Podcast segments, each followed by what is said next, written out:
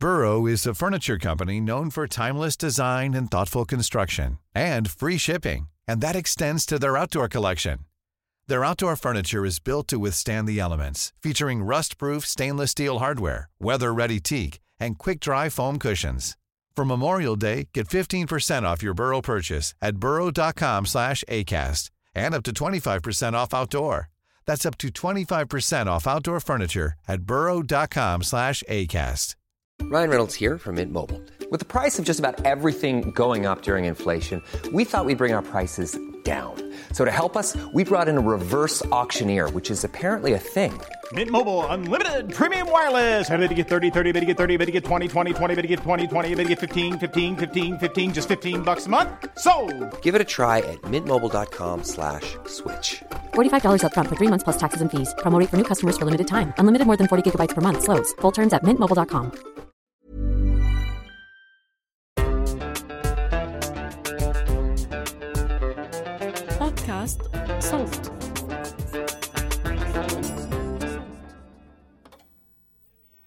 وأنا عم أكتب هالحلقة كان في بطولتين كرة قدم شغالين كأس أمم آسيا بقطر وكأس أفريقيا بساحل العاج. كمتابع لأي مباراة يمكن تلقائيا لا إراديا رح تلاقي حالك ملت لأحد الطرفين. طبعا بحالة أنه منتخب بلدك ما عم يلعب. يعني مباراة بين الصين وفيتنام مثلا ما بعرف ليش تلقائيا بتمنى الفوز لفيتنام. يمكن لأسباب سياسية. أما لما تكون مباراة فيها منتخب عربي مثل اليابان ضد العراق، الأردن ضد كوريا الجنوبية، مصر، السعودية، المغرب، ما بدي أنسى أي بلد بعتذر. بس المهم أي مباراة فيها فريق عربي أكيد وبدون تفكير بكون مايل لهذا المنتخب العربي. يمكن هذا الشيء نلاقيه منطقي جدا. بس يا ترى لو متابع إستوني من إستونيا دولة بأوروبا شاف مباراة بين النمسا وأستراليا هل بيشجع النمسا وبيتمنى لها الفوز لأنه معه بالاتحاد الأوروبي؟ بصراحة ما بتوقع. طيب ليش أنا بشجع المنتخب العربي؟ هل لأني بصنف حالي عربي وبلاقي هذا الشيء مشترك مع هالدول وسكانها؟ بنشوف المشجعين بالملاعب وعلى السوشيال ميديا عم يتفاعلوا بيغنوا أغاني لبلدانهم بيحملوا الأعلام بكل فخر عيونهم بتدمع وهن عم يسمعوا النشيد الوطني لأوطانهم بيوقفوا بكل فخر بيحطوا إيديهم على قلوبهم أو على شكل تحية عسكرية أو على جانبي الجسم باستعداد بحسب كل بلد وبيسمعوا بيرددوا الكلمات بكل تركيز وشمم كلمات كلها عنفوان وشجاعة حكايات عن التضحيات والثمن الغالي اللي اندفع للحرية وبناء الأوطان عن الماضي المجيد والمستقبل المشرق كيف وطنهم هو الأحلى والأفضل والأكمل بكل تفاصيله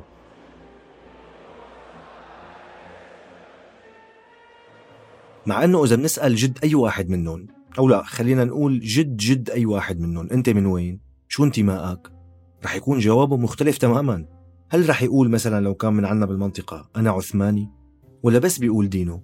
أو ممكن يقول اسم قريته أو مدينته أو قبيلته ويوقف؟ طيب أنت من وين؟ إذا بدك تقدمي حالك لحدا أجنبي كيف بتبدي؟ أنا عربية، كردية، أمازيغية ولا الجنسية هي الأهم؟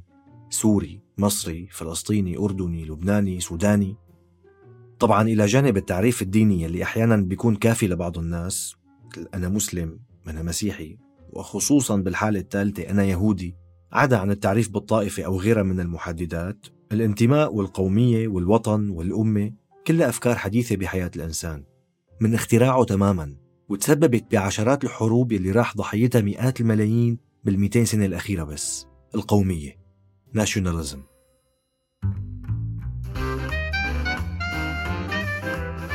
شو رأيكم يا شباب؟ نسميه من بيت؟ لا بالمرة سميه شجرة. حبيبي من بيت يا شباب. وين فكر حالك معك معك حق. معك حق مزبوط بس لا ليش حتى أنت يا شباب عم افتح المعجم.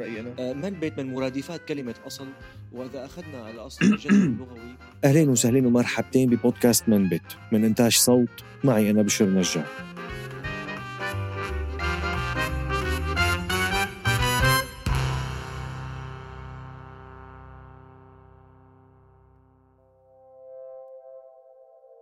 خلونا نرجع لجد جدك وجد جدي. لو سألناه أنت من وين بتوقع الجواب رح يكون باسم القرية أو المدينة أو بالدين إذا سألناه عن انتمائه مسيحي مسلم لأنه ما كان مفهوم الدولة والجنسية اللي بنعرفهم اليوم واضحين. ما بتوقع حدا كان رح يجاوب ويقول أنا عثماني. هي الدولة العثمانية مثلا كان فيها مزيج كبير من القوميات والأعراق والأديان. هالحكي لنهاية القرن الثامن عشر يعني لأواخر ال 1700 كان فيها العرب والكرد والترك والروم والصرب والبلغار والألبان واليونان والآشور وقوميات تانية كتيرة. وما كانت لحالها بهالحالة. مثلا الإمبراطورية النمساوية الهنغارية الهابسبرغز بسموها كان فيها قوميات كتير.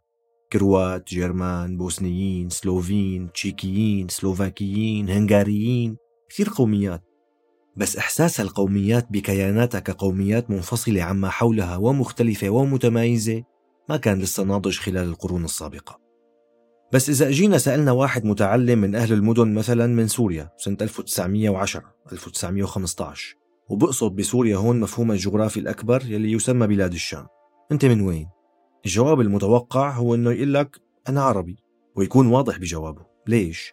لأنه بشكل أو بآخر كانت هويته مهددة بهديك الفترة طيب شو صار خلال قرن من الزمن؟ قرن ال 19 ال 1800 يعني شو تغير فيها؟ سنة 1789 اندلعت الثورة الفرنسية اللي فينا نعتبرها حدث من الأحداث المفصلية بتاريخ العالم. غيرت العالم كله حرفياً. الثورة بالمختصر أطاحت بالملك لويس السادس عشر وبديت موجة تغيير بأوروبا ومن أوروبا للعالم. قبل الثورة كان بمعظم أرجاء أوروبا في أنظمة قديمة فيها ملك نبلاء وعامة الشعب يلي كانوا يعتبروا أتباع للملك. Subjects بسموهم بالإنجليزي. ملك لهذا الملك المفوض من السماء بالحكم وما بيصير تعترض عليه شو ما صار. إذا انفقرت ساووك فقير يعني انظلمت جعت انسجنت ما بيصير تعترض عليه لأنه هو الحاكم المطلق. الثورة الفرنسية إجت لتغير هالمفهوم هذا وتحول الفرد من تابع للملك ملك للملك لمواطن ببلده. وبالتالي كان ضروري يعرفوا الشعب ويحددوه. مين هو هذا الشعب اللي رح يصير مالك لهذا الوطن بحدوده؟ نحن مثلا المواطنين الفرنسيين نحن الأمة الفرنسية ما عدنا تابعين لشخص الملك بغض النظر عن الشعوب اللي بيحكمها. ولحتى تنتمي لهي الأمة لازم يكون عندك مواصفات معينة. اللغة اللي بتحكيها واللي هي عادة أحد أهم العوامل بتشكيل القومية. الحدود الجغرافية أحيانا العرق بيلعب دور. بالإضافة للدين طبعا كمان اللي بيلعب دور كتير أساسي. المهم بديت السلطات اللي إجت بعد الثورة الفرنسية تحاول تفرنس الدولة خصوصا عن طريق اللغة على مدى سنوات طويلة وعن طريق المناهج والتعليم. في مناطق كتير بفرنسا ما كانت تحكي فرنسي. مثلا بأقصى شمال فرنسا كانوا يحكوا فلامنكي اللغة المحكية ببلجيكا لليوم.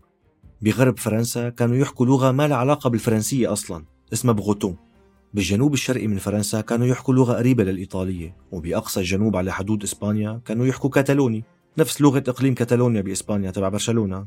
بالشرق بإقليمي الألزاس واللوغين كانوا يحكوا ألماني وبالجنوب الغربي كانوا يحكوا باسكي. اشتغلوا على توحيد اللغة عن طريق فرضها أحيانا. بنفس الفترة تقريبا أو قبل بشوي صارت الثورة الأمريكية اللي نتج عنها استقلال أمريكا عن بريطانيا. هون كمان بدي الحس الوطني القومي للأمريكان يظهر بسبب غاية الاستقلال يعني جمعهم هدف الاستقلال. المهم بنرجع لفرنسا وصل نابليون بونابرت للحكم بفرنسا وانطلق بمسيرته باجتياح أوروبا. طبعا كانت الأفكار اللي حكوا فيها المفكرين الفرنسيين عن القومية انتشرت بأوروبا وسبقته. فلما بديت الحروب النابليونية مثل ما بيسموها صارت الشعوب تحس إنها لازم تلاقي شيء يجمعها لحتى تقاومه. يعني الألمان اللي كانوا بهديك الفترة عايشين بإمارات كتيرة وصغيرة حسوا بضرورة التجمع كأمة ألمانية في وجه الغزو والطليان نفس الشيء هالشي نتج عنه ولو بعد عشرات السنين توحيد ألمانيا على يد بيسمارك وتوحيد إيطاليا على يد غاريبالدي وماتزيني. هالحركة القومية اللي بديت بفرنسا انتقلت كالنار في الهشيم بكل أنحاء أوروبا وما كانت حصرا تصير مع أنظمة جمهورية أو فيها ديمقراطية برلمانية بل عادي جدا تصير بدولة ملكية استبدادية.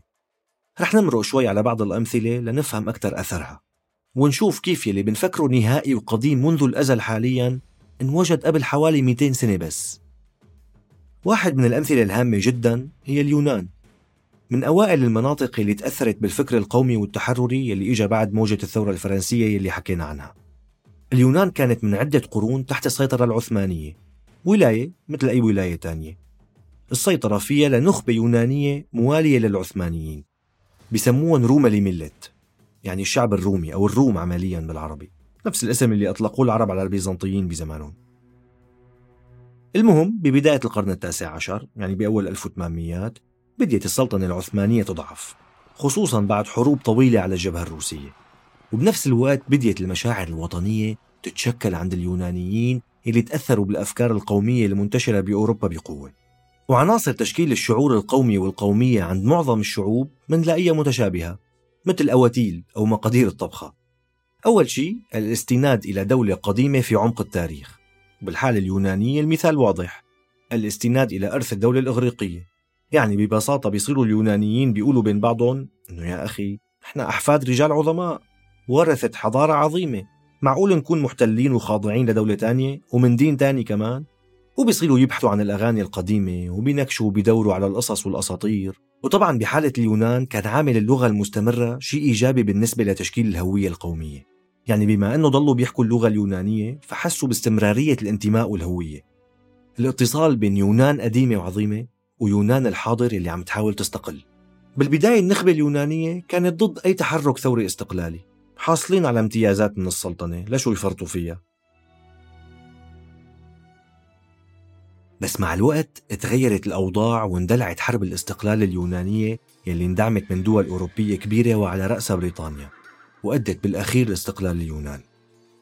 السؤال بعد الاستقلال هو كان مين هو الشعب اليوناني؟ طلعوا بمبدأ أو فكرة اسمها ميغالي أيديا باليوناني يعني الفكرة العظيمة. بتقول إنه كل مسيحي أرثوذكسي سواء كان على أرض اليونان المستقلة أو بالدولة العثمانية فهو يوناني.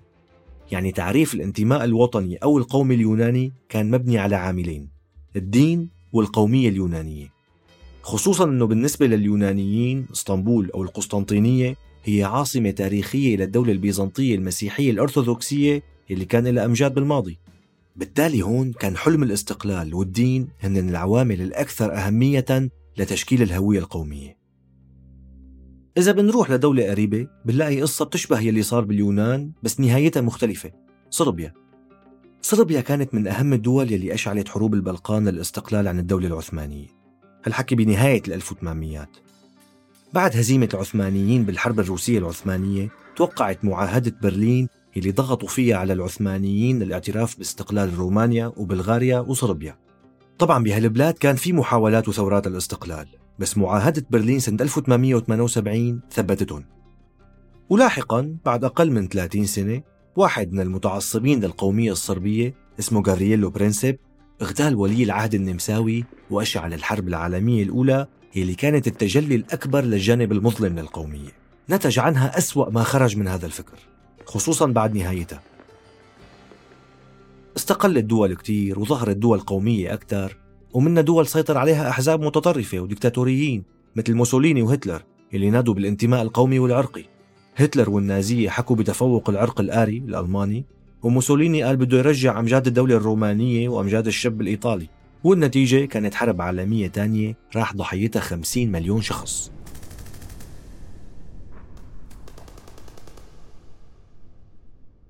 بس صربيا نفسها يلي قامت وضجت لأسباب قومية تحولت بعد نهاية الحرب العالمية الأولى سنة 1918 لدولة أكبر اسمها يوغوسلافيا.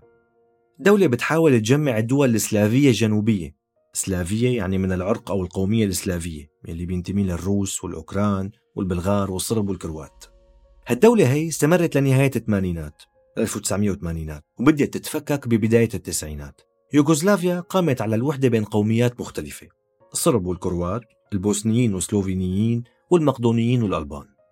بس بأواخر الثمانينيات طلع شخص اسمه سلوبودان ميلوزوفيتش صربي قومي شرس مر يعني.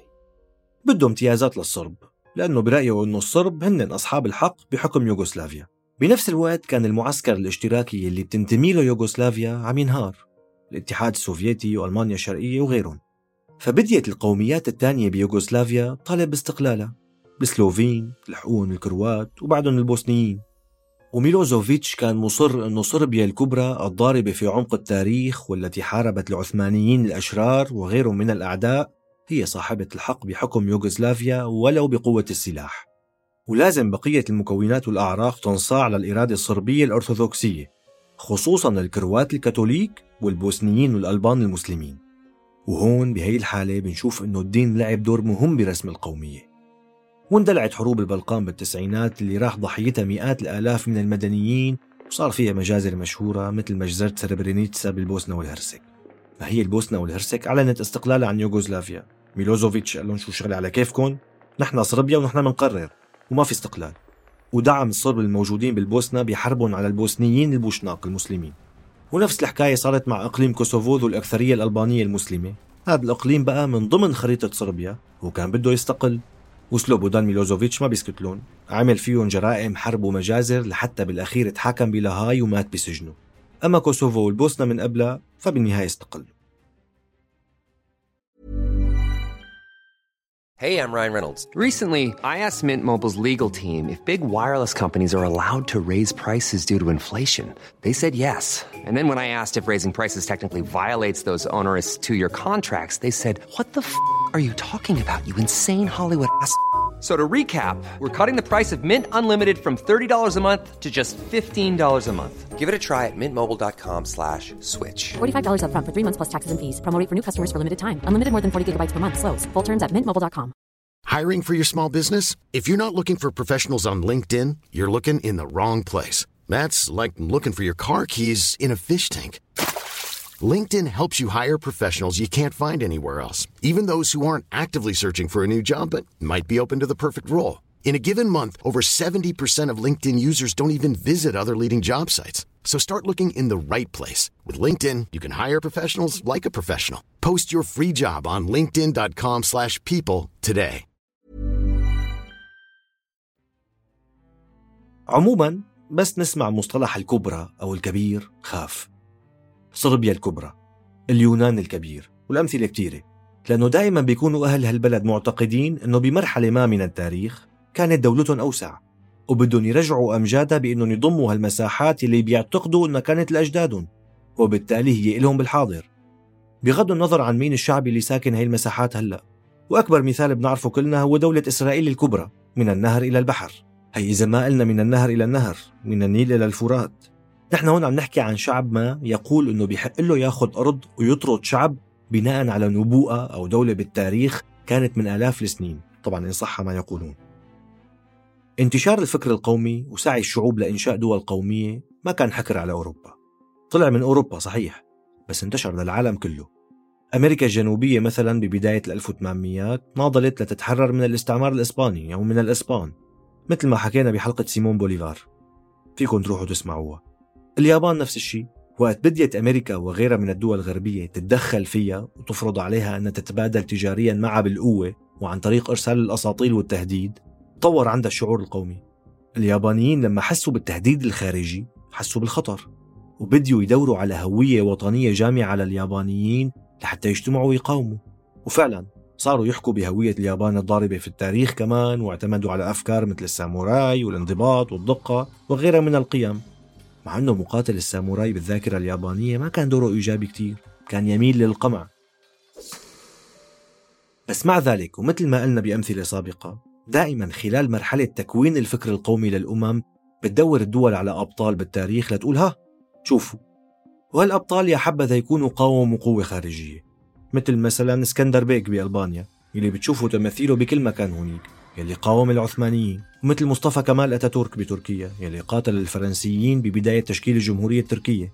ومثل كتير قادة من التاريخ العربي كانوا القوميين العرب يضلوا يحكوا عنهم. وهالحكي بيوصلنا لمفهوم القومية العربية يلي بدأ يظهر بنهاية القرن التاسع عشر نهاية 1800 وبداية 1900 كرد على التتريك وتعزيز القومية التركية داخل الدولة العثمانية من قبل ضباط عثمانيين شباب. يعني الفكر القومي التركي كان بدأ ينتشر. وهالشيء أثر سلبا على باقي مكونات السلطنة لأنه هو الفكر القومي بطبعه بيقول لك أنه نحن قومية منفصلة تاريخنا مجيد ونحن أفضل من غيرنا نحن الأتراك نحن العرب نحن الألمان نحن الطليان أي قومية أفضل من غيرنا. فما بالك إذا كانت الدولة فيها قوميات كتير؟ رح يصير في تمييز وفرض ثقافة الأقوى على الأضعف عنصرية. وهذا أحد الأسباب اللي دفع العرب بالنهاية خلال الحرب العالمية الأولى وبدعم بريطاني للثورة على العثمانيين سنة 1916 بما سمي بالثورة العربية الكبرى في سبيل تشكيل دولة عربية بالحجاز والشام وبناء على وعود بريطانية. بالإضافة لجهود مفكرين عرب اللي نشروا أفكارهم بالصحافة اللي كانت لسه ناشئة بوقتها. بمصر وسوريا ولبنان وغيرهم مثل عبد الرحمن الكواكبي محمد عبده رشيد رضا. طبعا بمقابل ناس كانوا مع القومية العثمانية مثل مصطفى كامل بمصر وغيره وفق السرديات التاريخية. طبعا كلنا بنعرف شو صار وإنه طلعت الوعود كذب واجوا سايكس وبيكو وقسموا المنطقة. ونتج عنا دول صارت بشكل أو بآخر دول قومية مصغرة خصوصا ببلد مثل لبنان اللي تأسس سنة 1920 على أساس متصرفية جبل لبنان يلي كانت أيام الحكم العثماني. بعدين لما أجت فرنسا وسيطرت على المنطقة ضمت أراضي مجاورة من سوريا سوريا طبيعية بالشمال وبالجنوب وبالشرق وبالغرب لتشكل دولة لبنان الكبير. وكتير مفكرين لبنانيين من بداية القرن العشرين اتبعوا نفس الأفكار اللي حكينا عنها لتشكيل هوية قومية لبنانية. مثل فكرة الماضي المجيد تبع الفينيقيين وغيرها من الأفكار بس للأسف فشلوا. سجل. أنا عربي. ورقم بطاقتي خمسون ألف. وأطفالي ثمانية وتاسعهم سيأتي بعد صيف. فهل تغضب؟ سجل. أما القومية العربية فرجعت للواجهة بعد تولي جمال عبد الناصر للحكم بمصر. يلي لقى فيها وسيلة لتوسيع نفوذه عربيا. ولاحقا امتد الفكر القومي بدول مثل سوريا والعراق يلي حكمهم حزب البعث اللي أسسوا ميشيل عفلق وصلاح الدين بيطار. مثلا بسوريا وشي بتذكروا منيح بالمدرسة ما كان ينشغل على تكوين هوية سورية بحتة. كنا دائما نفهم أنه نحن جزء من أمة أكبر هي الأمة العربية اللي مصيرها تتوحد من المحيط إلى الخليج. بغض النظر عن رغبة هالأمة أساسا هل هي مقتنعة أنها بدها تتوحد ولا لا؟ هل ممكن هالشيء أم لا؟ ومنشوف هالفكرة بشعار حزب البعث يلي كنا نردده بالمدرسة كل يوم. أمة عربية واحدة ذات رسالة خالدة. أهدافنا وحدة حرية اشتراكية.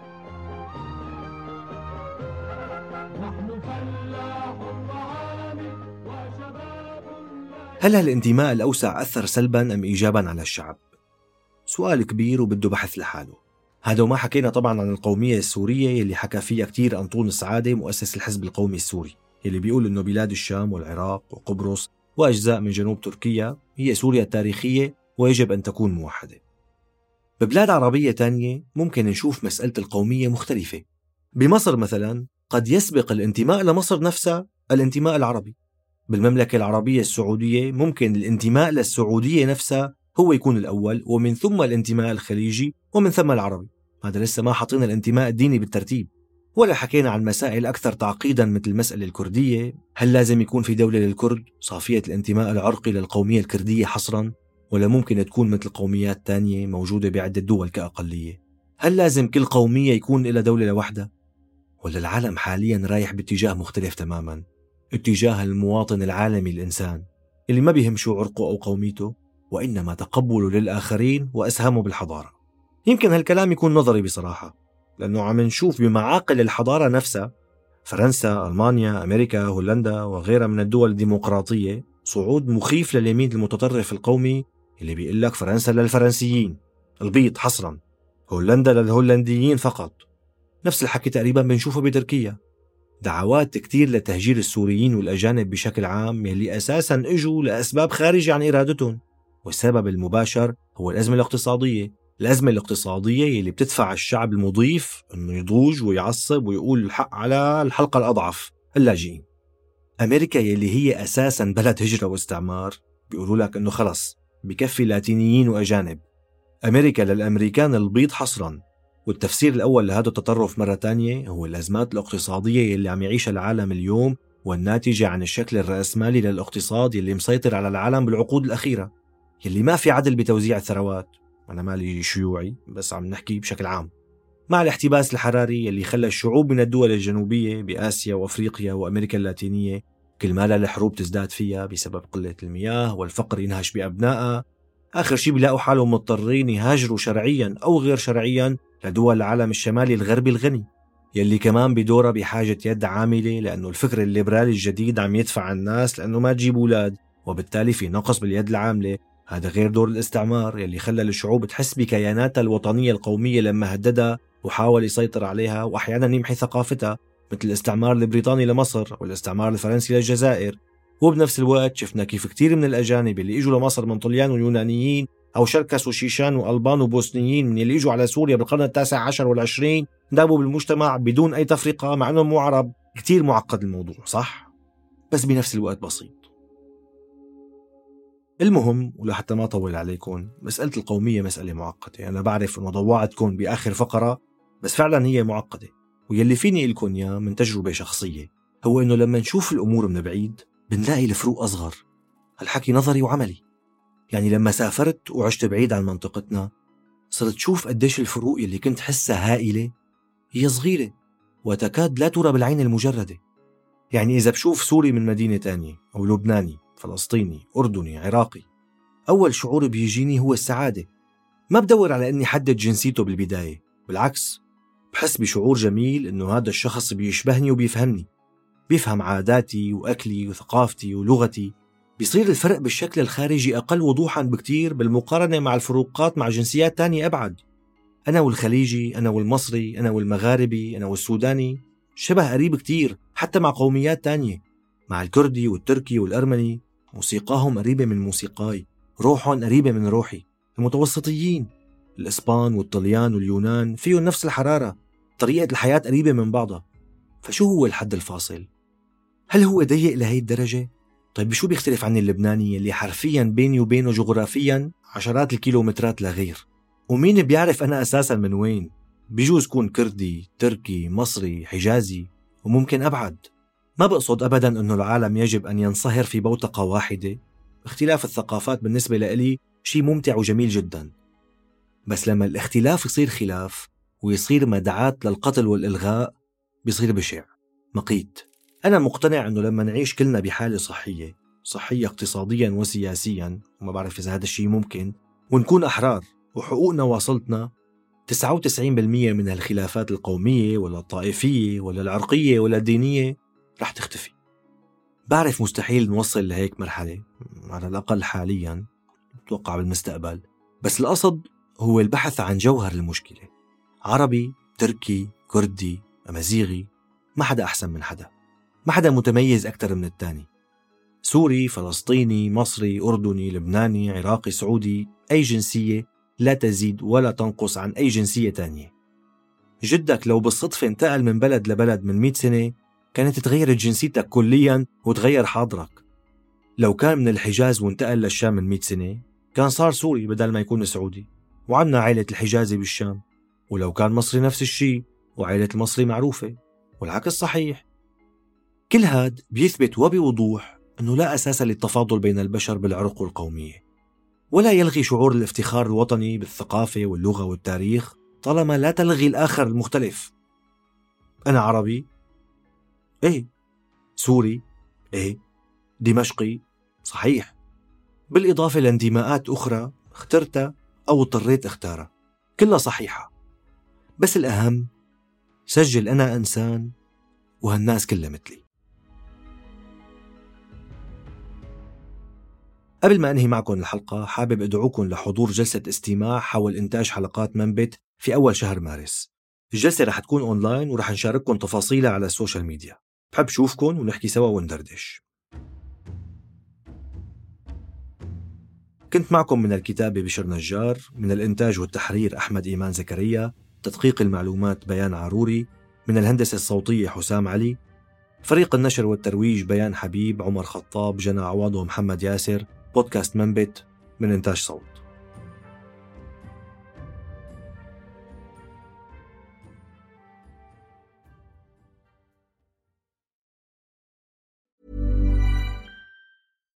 Deserves the best, and there's no better place to shop for Mother's Day than Whole Foods Market. They're your destination for unbeatable savings, from premium gifts to show-stopping flowers and irresistible desserts. Start by saving 33% with Prime on all body care and candles. Then get a 15-stem bunch of tulips for just $9.99 each with Prime. Round out Mom's menu with festive rosé, irresistible berry chantilly cake, and more special treats. Come celebrate Mother's Day at Whole Foods Market.